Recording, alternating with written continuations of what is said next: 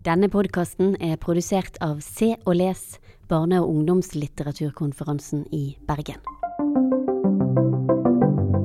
Velkommen til Se og Les, og velkommen til samtale med Nora Dåsnes.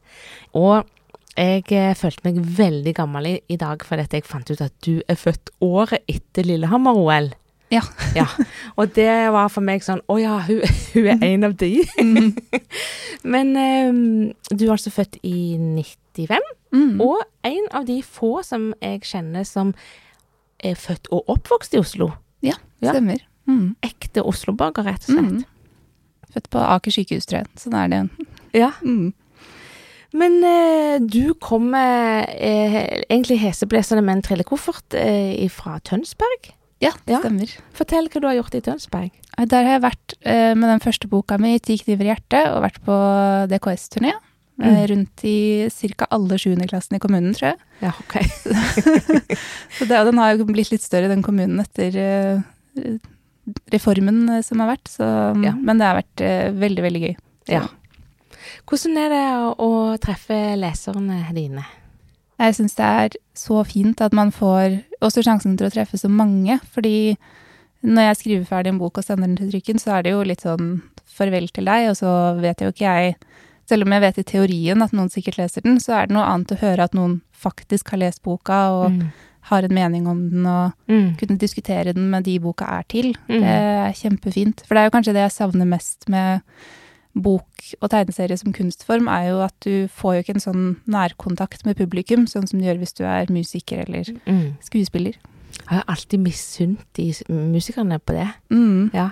Men har du eh, de til publikum eller leserne i tankene når du lager boka? Ja, veldig. Eh, Ja. Jeg prøver å Med 'Ti kniver i hjertet' så hadde jeg en spesiell Altså en jente som jeg tenkte på, som jeg kjenner. Mm. Som jeg liksom tenkte på hele veien at den er til henne. Og så uh, litt det samme ubesvart andre påstå, at jeg prøvde å liksom tenke meg én type leser. Litt basert på folk jeg kjenner og Mm. mm. Mm. Men uh, Ti kniver i hjertet, vi kan jo bare begynne å snakke litt om den, for det var jo din debutbok. Eh, og det er jo på en måte en blanding av tegneserie og en slags dagbok, da. Mm. Mm. Og da eh, tenkte du at du skrev den til noen, eller ble du liksom eh, hadde du blitt, ble du inspirert av noen spesifikt? Eh, nei, den var jo eh, Inspirasjonen kom jo litt fra egen oppvekst og vennene mine fra barneskolen spesielt. Hva vi hadde en samtale med dem og mimra litt og sånn, Mm. som var veldig fint. Og så eh, for målgruppe så forestilte jeg meg Da var det en eh, Jeg kjente en søster av en venn av meg som eh, jeg visste liksom jeg kjente personligheten til, og hun var liksom akkurat i den alderen og det vippepunktet mellom barn og ungdom. Mm. Eh, Så jeg hadde liksom tenkt at den her er Nå skal jeg prøve å få noe klokt ut av det jeg husker fra å være på den alderen, og så Mm. liksom fortelle deg at eh, det går bra. Mm. Ja. Så det var liksom litt også Nora sin, eh, sin fortelling til seg selv om at det, det kom til å gå fint. Mm. Og fortell litt om hva den Tikniva hjertet handler om. Eh, Den handler jo om eh, Tuva som nettopp har begynt i sjuende. Mm. Hun skriver dagbok og lager seg en del mål for hva hun har lyst til å, å få til mens hun går i sjuende, og så går det jo ikke helt sånn som hun har tenkt. Hun havner i en litt sånn clinch mellom én venn som plutselig blir veldig opptatt av gutter og forelskelse og kjæreste og sånn, og en annen venn som syns alt det der er kjempeteit og fortsetter vil være barn og leke i skogen og Mm. ha krig. Mm. Uh, og i tillegg så blir jo Tuva forelska selv, havner Mm. litt i den overgangen der, og blir jo da forelska i en ny jenta i korpset. Mm. Mm. Det som jeg syns var veldig fint med den boka der, er jo at det, at det, det er ikke noe issue at hun blir forelska i en uh, jente. Mm. Var det noe du tenkte, liksom? At uh, Ja. Ja, det var viktig for meg, for det er jo mye historier, både av de eksisterende bøkene for ungdom og det man hører i media, så er det jo ofte de triste historiene og de vanskelige historiene. Men det finnes jo heldigvis veldig mange hvor det er helt uproblematisk. Mm. Eh, og jeg tror det er viktig å, selv om det er vanskelig for noen barn fortsatt, det å ha feelgood-historier som en sånn standard med liksom Dette her skal egentlig være helt uproblematisk. Mm. Eh, og du skal kunne fokusere på alle de andre tingene som vennene dine fokuserer på. Mm. Mm. Ja, og det er veldig interessant å se, for det er flere, flere utgivelser nå som kommer Mm. med, med homofile hovedpersoner, og der de liksom er bare, ja, Mm. helt vanlig, da. Og det er nok litt annerledes ifra det vi er vant med av skeiv litteratur, der det blir veldig problematisert. Mm. Hva tror du eh, som har gjort at det nå kommer så mye bøker der ting ikke er problematisk, mens det før var liksom veldig fokus på det problematiske? Um, litt av det jeg har sett, er at når vi som selv eh, er skeive, skriver bøker, så er det oftere uproblematisk. Mm. For jeg tror kanskje flere kjente på et savn da de vokste opp og liksom ville lage de bøkene. Ja. Og så er det nok også flere som ser at det er også en realistisk fremstilling i Norge i dag. Det var jo ikke noe vanskelig for meg å si til vennene mine eller si det hjemme eller noe sånt. Eh, og da blir det jo rart å på en måte konstruere konflikter i, i dagens Norge som ikke nødvendigvis føles relevante for leserne. Mm. Ja, det er sant. Og det som jeg tror man kanskje også med barnelitteratur um, tenker at For det, en bok må jo være en, Det må jo være en konflikt i en bok. Mm. Eh, og det er fint at du har løst det med at det, det, det er eh, overgangen fra barn til voksne og venninneproblematikken som, som, som, gjør, som driver handlingen fremover. Mm. Ikke det at hun er homofil, da. Mm. Mm. Kunne du lagd denne boka hvis du ikke hadde vært skeiv selv? Um, jeg tror nok eh, Jeg ser jo at det er forfattere som ikke er det, som også kan skrive veldig fine bøker. Jeg tror Mm. nok at det er kanskje noen av observasjonene som som jeg ikke hadde hatt, som jeg har tatt på meg, som nok ville Som jeg ikke hadde uh, kunne tatt med, da, hvis jeg ikke hadde levd det selv. Som for eksempel Uh, jeg tror det med å At du kanskje må liksom justere litt forventningene dine. At Mm. det blir sånn Man har gjerne sett for seg hvordan en romanse skal være, og så er det sånn Mm. Å ja, det er liksom Det kan bli litt annerledes enn det jeg hadde tenkt. Ja. Uh, det var noe jeg husker veldig godt. Så mm, jeg tror du kan uh, Men da tror jeg du skal uh, ha gjerne venner som er skeive selv, eller lese Mm. mye, eller gjøre ordentlig research, da. Mm. Mm. Tror du at du står friere med å lage Altså som skeiv, å lage bok om en skeiv, mens hvis jeg som ikke er det, hadde, hadde jeg liksom tatt mer hensyn eller vært mer redd for såre, kanskje, eller? Eh, Det tror jeg nok. Jeg kan jo kjenne på det hvis jeg skal skrive om personer som er annerledes fra meg. Mm. At da tenker jeg jo mer Da har jeg et mye mer bevisst forhold til det. Mens Ja. dette var jo en minoritet som jeg på en måte har et eierskap til, Mm, og liksom mm. kjenner og eh, Ja. Eh, så man blir jo litt mer forsiktig, og det tenker jeg på en måte er bra også. At man går inn i å skrive folk som er annerledes, med litt mer varsomhet, da. Ja. Mm. Men ehm, eh, det med at du debuterte med denne boka, det er jo ikke helt sant, er det det? Eh, Det er jo faktisk det, um, når man bare ser på utgivelseskalenderen for gjenklangbøkene, selv om jeg og venninna mi begynte å skrive dem i, da vi var 18, Mm. så kom de ikke ut før to måneder etter de knivererte. Å ja. ja, for nå snakker vi om eh, en, eh, en bokserie som heter Gjenklang, på syv bøker. Ti bøker, ja. bøker.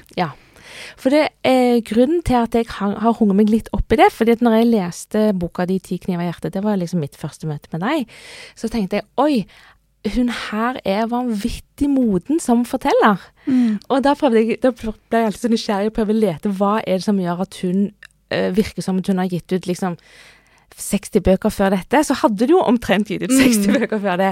Uh, og jeg er litt nysgjerrig på den sjangeren der. Uh, Mm. For det er helt tydelig at du har mengdetrening i å fortelle. Mm. Ja, fortell litt om, om det arbeidet med den serien. Eh, ja, det var akkurat som du sier, utrolig god mengdetrening. Jeg og mm, Hanna Malmen, som jeg har skrevet med, vi eh, begynte jo på dette uh, da vi var russ, uh, omtrent. Og så Ja. jobba vi gjennom seks år, da. Mens vi tok en bachelorgrad og forskjellig etterpå. Og det mm, De første tre bøkene skrev vi ferdig, og så måtte vi skrive om alt på nytt. Og det var ikke forlaget som ba om det, men det var vi som så at det her, eh, Nå har vi skrevet oss så langt i noe som plott eh, knudder at det må, vi må bare starte fra scratch ja. med det. Ja. Um, så det å måtte skrive de, og den første boka, de omskrivingene der, som var liksom store runder med å for Du må etablere så utrolig mye på så kort tid. Mm. Sånn, litt som å skrive en pilotepisode til en TV-serie, nesten. Mm. Eh, så det var jo eh, et kjempearbeid, og veldig fint å bare fokusere på eh, historiefortellingen. Mm. Fordi det å sitte og jobbe veldig med språkkunst, det hadde vi jo på en måte gjort på egen hånd før, på videregående. og Mm. men det å få det fokuset på sånn Her må det være spennende, og det Mm. må være en driv, og det skal være romanse, og, så, og det å gjøre den researchen for å få det til å være historisk eh, riktig, da. Mm. Eh, så det var eh, Føltes som vi gikk på betalt skriveskole, egentlig. Men, det, men dere to dere hadde ikke noe forlag da? Det var bare dere to som drev det arbeidet framover? Nei, da hadde vi eh, i 20... Når var dette, da? Eh, da vi var på vei til å gå ut av videregående, så sendte vi inn et manus til konkurransen som norske serier har av og til. Ja. Eh, som er sånn send inn et halvt manus, og så kan man vinne noe penger, og så kan man snakke om å få en kontrakt. Mm. Eh, så det var det vi gjorde. og, og vant den til vår og forlagets overraske, for den er blinddømt. Så de hadde jo ikke forventet at det var to 18-åringer som Nei. hadde Nei. eh, sittet og skrevet det sammen. Mm. Um, så det var jo Jeg tror nok ikke vi hadde klart det hvis vi ikke hadde hatt den driven fra både forlaget og en veldig flink eh, konsulent som vi hadde, Mm. som på en måte var villig til å gå det løpet med oss, da. Mm. Så, så det, der hadde, fikk du på en måte både bachelor og hovedfag i fortellerkunst, tenker jeg, da, mm. med de 18 romanene. Ja. Men når du jobber Når du da begynte med å lage tegne, dine egne tegneserier, ja, jobber du veldig annerledes enn da du jobbet med de, den serie, serien? Eh, ja, vi planla jo veldig, veldig grundig hver bok. Mm. Eh, for det må man jo også litt når du skriver sammen. Mm. Og fordi det var så Det var en del sånne krimplott som på en måte måtte gå opp. Vi syntes jo det var litt gøy når det var liksom mord og kidnapping og Ja. um, Og det, da må det jo på en måte Alt må henge sammen, og skurket må liksom komme tilbake og så Mens um, begge tegneseriene når jeg har jobbet alene, så jobber jeg mye friere. Så da har jeg s- liksom tegner ut noen scener først, og så er det ofte store hull hvor jeg liksom tenker det finner jeg ut seinere, og så jobber jeg på en måte der, der, der jeg syns det er interessant, da. Så Mm. prøver jeg å lappe det sammen. Mm. Så, men jeg gjør nok det litt også fordi jeg har en litt sånn Jeg kan stole på at jeg kan redigere meg frem til en historie etterpå, fordi Mm. jeg har gjort det så mange ganger med de bøkene. Ja. Vi må snakke litt om eh, tegneseriemediet. Eh, hva er det som gjør at tegnseriemediet på en måte er det uttrykket du har valgt? Um, det er nok litt uh, i det at jeg er jo veldig glad i å kombinere ord og bilde. Um, det er sånn jeg i hvert fall tenker selv. Jeg har skjønt at det ikke gjelder for alle. At vi har litt forskjellige hjerner der. Men um, jeg tenker i hvert fall i, i begge de. Og um, når jeg jobber med prosjekter, uansett hva det er meningen at det skal bli til slutt, så sitter jeg jo ofte både og skriver og tegner og, og sånn. Mm. Um, og så er jeg uh, syns jeg det er fint med tegneserie fordi det er så åpent hva du kan gjøre. Man kan jo um, Ja, man kan jo tegne hva som helst. Det er jo uh, helt opp til, uh, opp til meg. Jeg trenger ikke reise noe sted eller Mm. um, og, og så kan jeg gjøre det på egen hånd. For jeg, er jo, jeg kan jo være glad i å, å jobbe med andre, men det å bare kunne få holde den styringa og fortelle hele historien og skape eh, Skape hele historien, både ordene og bildene, og, eh, som gjør en helt annen måte hvis du skal jobbe med film, hvor det Mm. er et mye større samarbeidsprosjekt. Mm. Um, så jeg liker jo det. Men, eh, men du jobber jo med hun eh, Hanna Mileman, som mm. du skrev eh, den eh, serien sammen med. Dere har jo også et samarbeidsprosjekt eh, som heter Vetle, om, som er for de aller minste. En Ja. billedbokprosjekt. Og da eh, tegner du, Mm. og hun skriver. Så Mm. da har du en mer sånn definert oppgave som illustratør. Mm. Hvordan er det for deg å bare liksom bare være illustratør, da? Ja. Nei, jeg tror det er litt fordi jeg gjør noe med Hanna. Vi har jobba sammen siden vi var 15-16, egentlig. Mm. Eh, og jeg merker at vi har jo så utrolig god kommunikasjon. Mm. Eh, og er jo veldig eh, Sånn jeg gir henne tilbakemelding på tekst, og hun gir meg tilbakemelding på tegning, for hun har også illustratørkompetanse. Mm. Eh, så det gjør at vi eh, Så hun er liksom eh, for meg ekstremt lett å jobbe med. Det er Mm. mer som jeg har en sånn Vi blir sånn tohoda troll, Ja. nesten. Eh, mm. Ja. For jeg vil tro at det også kunne vært frustrasjon, eh, som du sier, hvis det er noen du ikke jobber eh, så nært og kjente så godt. For jeg synes Mhm. at i, i dine tegneserier så, så er tekst og bilde de er så, så enormt fletta sammen. Mm. Og eh, mer enn veldig mange andre så lar du det visuelle fortelle veldig mye. Mm. Eh, det er faktisk ikke så mye tekst i tegneseriene dine. Mye mindre enn jeg tror folk, eh, folk tror Hvis folk hadde bare tatt ut teksten, så hadde de blitt overraska hvor lite tekst det faktisk er. Mm. Eh, sånn at eh, hvis du hadde fått tekst og skulle illustrere, så ville jeg sett for meg at du fort kunne blitt eh, litt frustrert. Mm. Jeg tror det er um, Også visuelt så merker jeg at jeg av og til blir litt sånn trøtt hvis det må være mye tekst i en tegneserie. At jeg Ja. er litt sånn, Som tegner, da. At jeg blir liksom Nei, dette var for langt, nå må jeg kutte det ned, så jeg kan men, um, men jeg har jo sett det selv, for jeg har skrevet opp teksten. Jeg er jo ikke sånn som skriver manus på forhånd. Jeg tegner og skriver samtidig. Ja. Men jeg har skrevet den opp for uh, oversettelse. Og Ja. da ser jeg jo at det er jo ikke mange sidene, Nei. egentlig. Flaks for de som skal oversette. Er veldig grei jobb. Har du merka noe til at eh, det å Altså, du har jo fått Du har jo blitt nominert og fått pris. Eh, har du merka noe at det er på en måte mer status med de eh, når du jobber innenfor barne- og ungdomslitteratur, enn når du jobber med serielitteratur? Ja, ja. Det, Eh, når jeg ble nettopp medlem av NBU, eksempel, og det å Ja. få bli med i en fagforening en gang, kan du jo ikke med, de, med den sjangeren. Nei. Så eh, jeg merker jo veldig forskjell der. Og det som jeg tenker eh, Som jeg ikke hadde sett for meg, men som har noe med den statushevingen å gjøre, er jo at jeg eksempel sånn nå da er ute på Den kulturelle skolesekken og får en inntekt derfra. Mm. Eh, og du er jo ikke Det å miste den Alle de andre måtene forfattere tjener penger på, gjør jo Mm. at det er jo egentlig ikke en veldig lukrativ sjanger å, å jobbe i, selv om Mm. det ofte er inntrykket folk har, da. Mm. Eh, men du er liksom bare avhengig av eh, det butikksalget. Du Ja. har ikke de andre arenaene, stipender eller Mm. eh, ja, eh, litteraturfestivaler og alt det der. Mm. Mm. Ja. Eh, jeg tenkte vi skulle snakke litt om den siste boka di som kom ut i fjor, 'Ubesvarte anrop'. Eh, vil du fortelle litt om hva boka handler om? Eh, ja, den handler jo om eh, Rebekka, som er hovedpersonen, og vennen hennes eh, Fariba, som er i Oslo og skater når de hører et stort smell fra sentrum, som de seinere skjønner at er eh, bomben i regjeringskvartalet. Mm. Eh, og historien begynner egentlig en måned senere, når de skal begynne på videregående.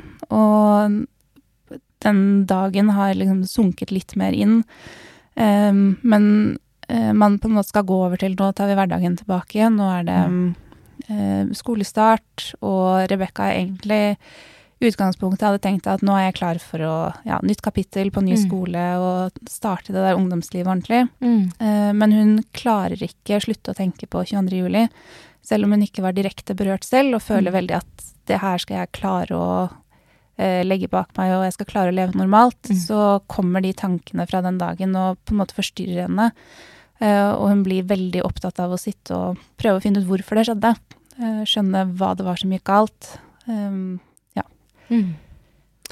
Ja, eh, også For hun sier på et tidspunkt 'vi må skjønne hvorfor'. Hun, og, hun, og hun sier også det at Eller jeg vet ikke om hun sier det direkte, men boka sier at hvis, hvis hvem som helst kan bli terrorist, så, eh, så skjønner vi også at Rebekka er veldig redd for broren sin, Mm. som har mye som sitter Som har droppa ut, har får ikke lærlingeplass, og han sitter og gamer dag og natt Mm. og blir mer og mer sint på mora si.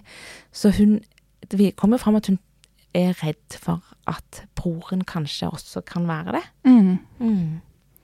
For det var jo noe av det som eh, i hvert fall jeg forbinder veldig med, med 22. juli, var at det endret eh, den frykten for hvor terror kan komme fra, og Mm. at det plutselig ble mye mer sånn Ja, de kan sitte på et rom i den leiligheten her, eller de kan være her, eller Mm. uh, og det er jo så mange som har de samme ytre karakteristikkene som media var veldig opptatt av i, i starten, med å være litt sosialt utafor og ikke ha jobb og game veldig mye. Det er jo Mm. kjempemange. Ja. uh, em, men jeg tror det føltes veldig nært for de som, alle de som kjenner en sånn en, da. Mm.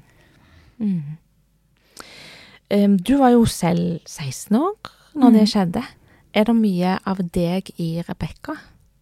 Uh, ja, det er det. Det er nok nesten mer av meg i Rebekka enn i Tuva i den første boka, tror jeg. Ja.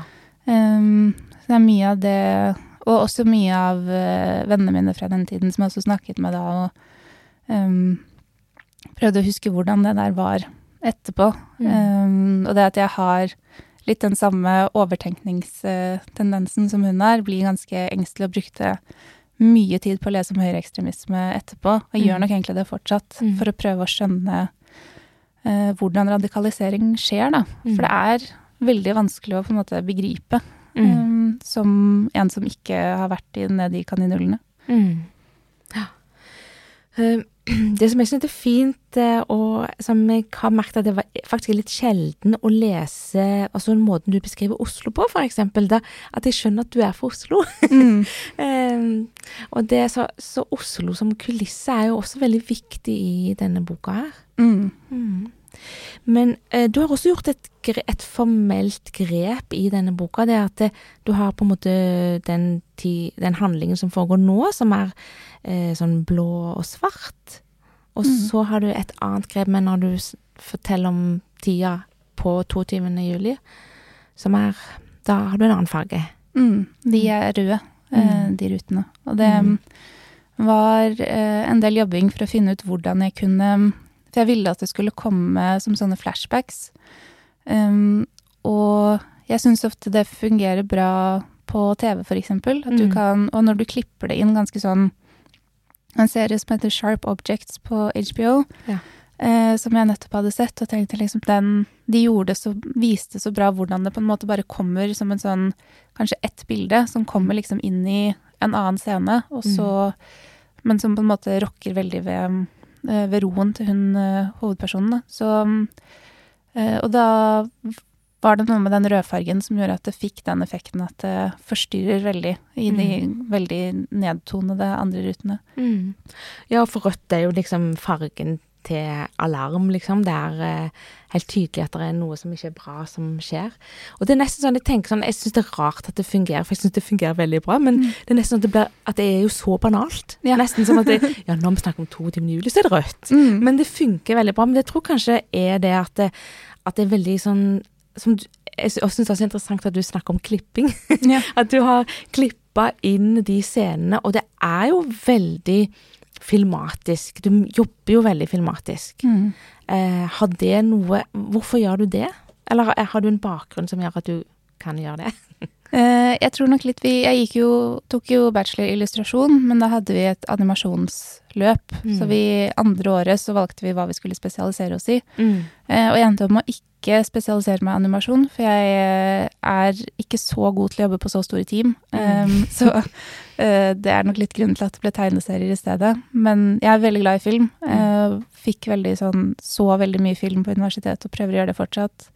Og blir mye inspirert av det, da. Så Mm. det kommer nok ut i måten jeg jobber på. Mm, veldig, syns iallfall jeg.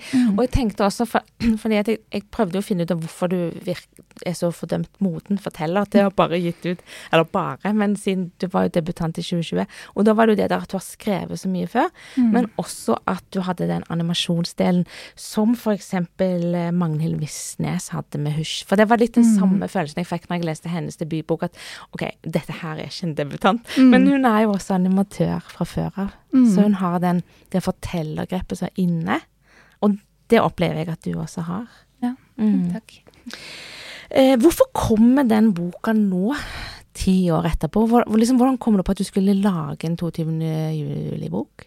Eh, nei, det kom jo uh, ut ifra at uh, redaktørene på Aschehoug egentlig spurte om jeg kunne tenke meg å lage en sakprosabok Ja. for å forklare det for ehm, de som er tenåringer nå, for de husker jo veldig lite om noe fra Mm. 22. juli. Eh, og jeg starta egentlig prosjektet med å tenke at jeg skulle lage det, men dette var jo i 2020, og jeg så at det for meg skulle lære alt jeg ville trengt å lære for å uh, lære meg å jobbe med sakprosa, lære meg å intervjue Mm. Eh, og samle materialer, så ville ikke det gått opp. Mm. Uh, så jeg fikk en veldig sånn sperre på at uh, nå har jeg tatt med meg noe altfor stort. Mm. Og så uh, vet jeg ikke helt hvorfor jeg kom på at jeg tenkte kanskje jeg bare skal prøve å skrive fiksjon og se om det Mm. løsner. Og så gjorde det det. Så jeg sendte en mail og var sånn Hei, kan jeg endre hele prosjektet og gjøre dette isteden? uh, men det var heldigvis greit. Ja, Mm. så bra.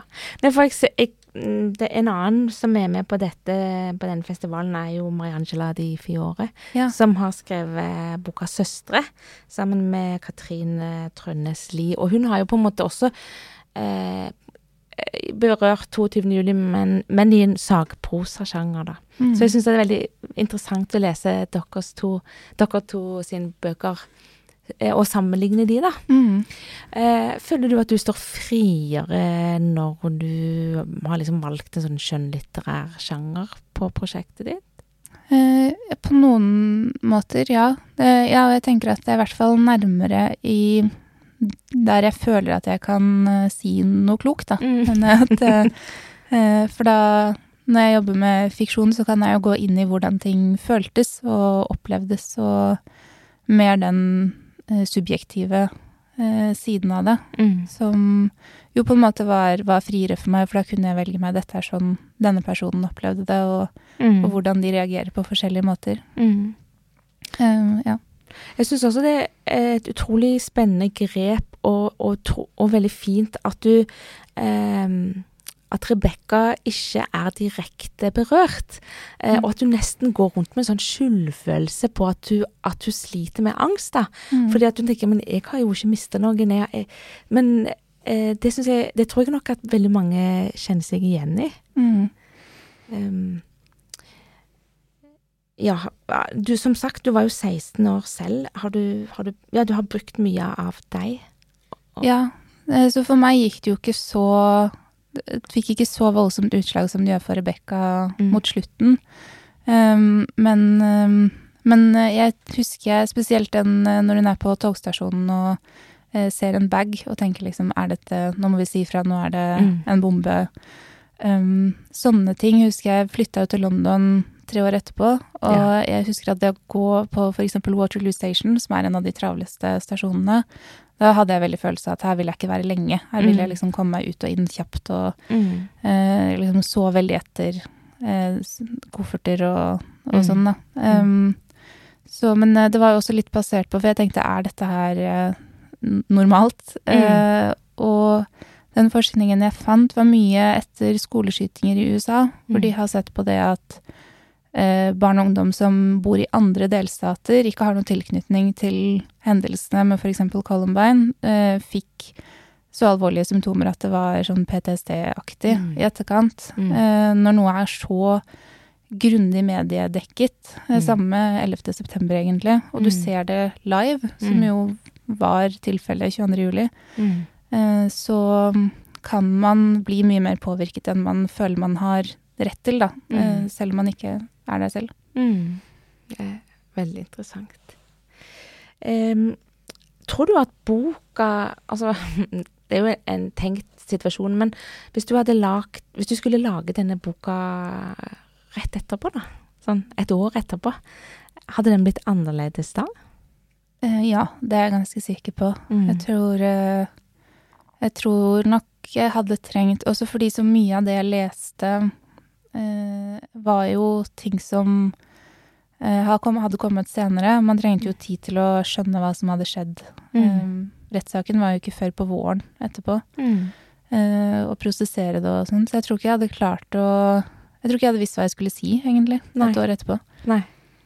Ja, for vi, vi har, I forbindelse med tiårsjubileet så ble det jo liksom snakk om at, det, at, vi, at vi har hatt berøringsangst, og at liksom det, det har jo ikke vært så veldig mange utgivelser om 22. juli før nå.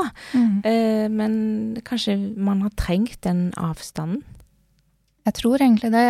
Um, brukte jo Jeg leste en del om uh, 9-11 i forbindelse med den boka, fordi det er jo skrevet så mye mer om det, fordi det skjedde i USA, og det var så stort, og um, men, Og der, det er jo 20 år siden, men det er jo fortsatt laget veldig lite om eh, Altså de har, du har liksom også ganske få utgivelser, egentlig, eh, selv om det er et så stor medienasjon. Mm. Eh, fordi det er så vondt fortsatt, da. Det folk husker det jo som var direkte berørt, og også de som ikke var det. Så mm.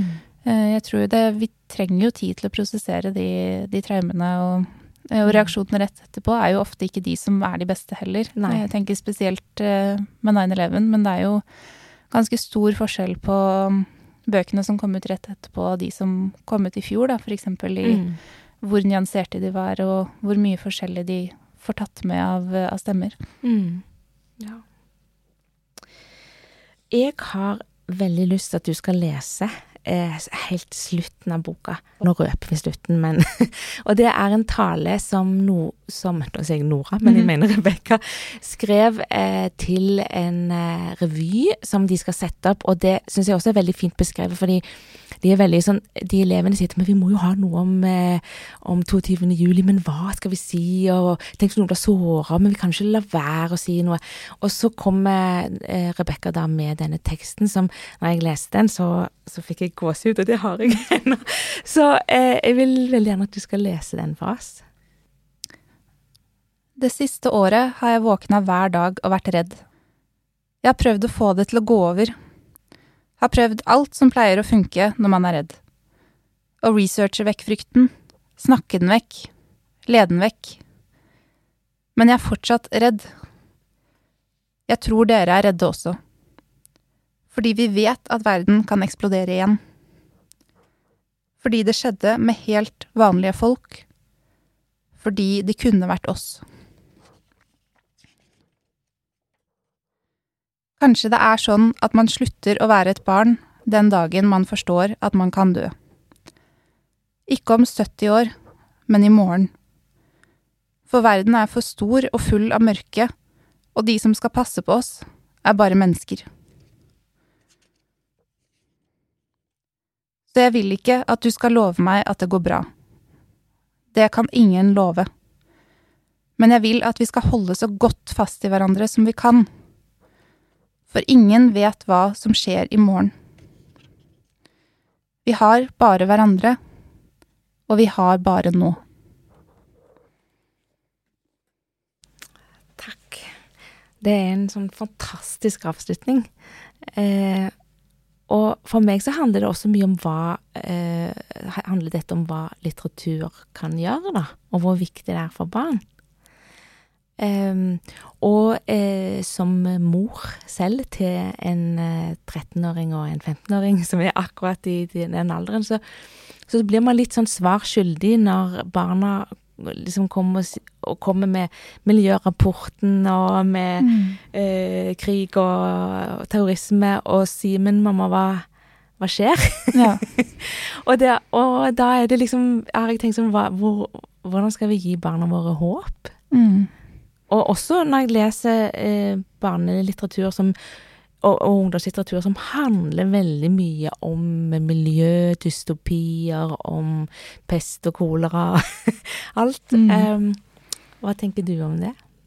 Um, jeg tenker jo at det er viktig at man, uh, som du sier, at man har litteratur uh, om det. Fordi vi trenger jo å utforske de um, de tingene vi er redd for, og gjøre det på en trygg måte gjennom kunst, da, om det er tegneserier eller bøker eller filmer eller mm.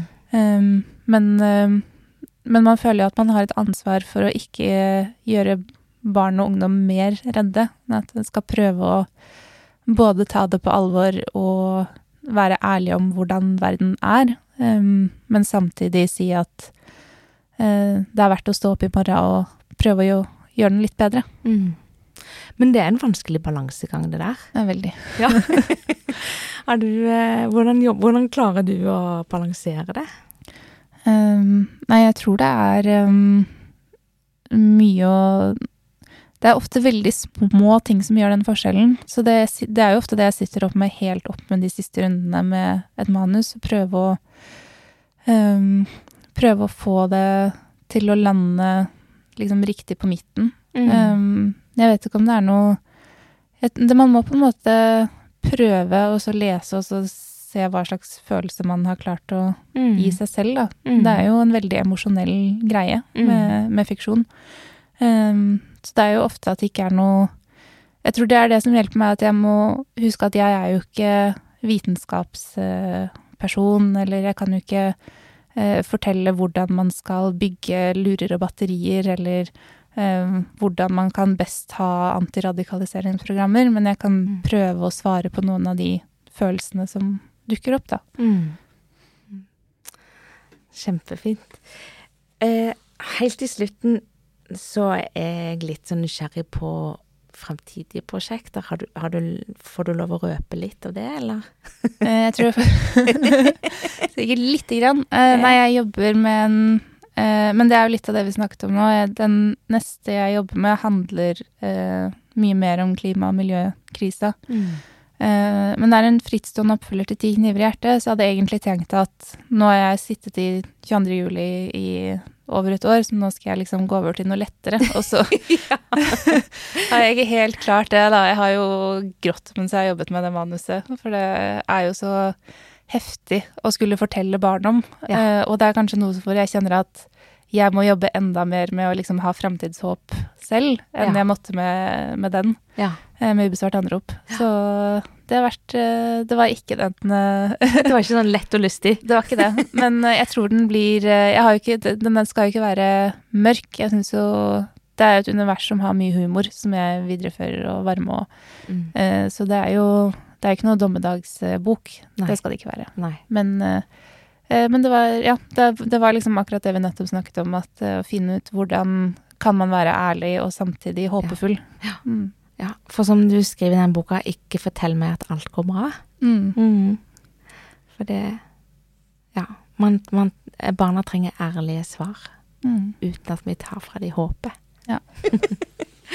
Nora Dåsnes, tusen takk for at eh, du kom. Med. Jeg føler meg eh, faktisk eh, litt klokere etter å ha hørt på deg. Og tusen takk for den fine teksten og for de fine bøkene som du lager.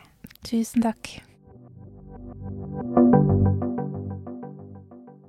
Mer om Se og les og flere podkaster finner du på bergenbibliotek.no, eller der du lytter til podkast.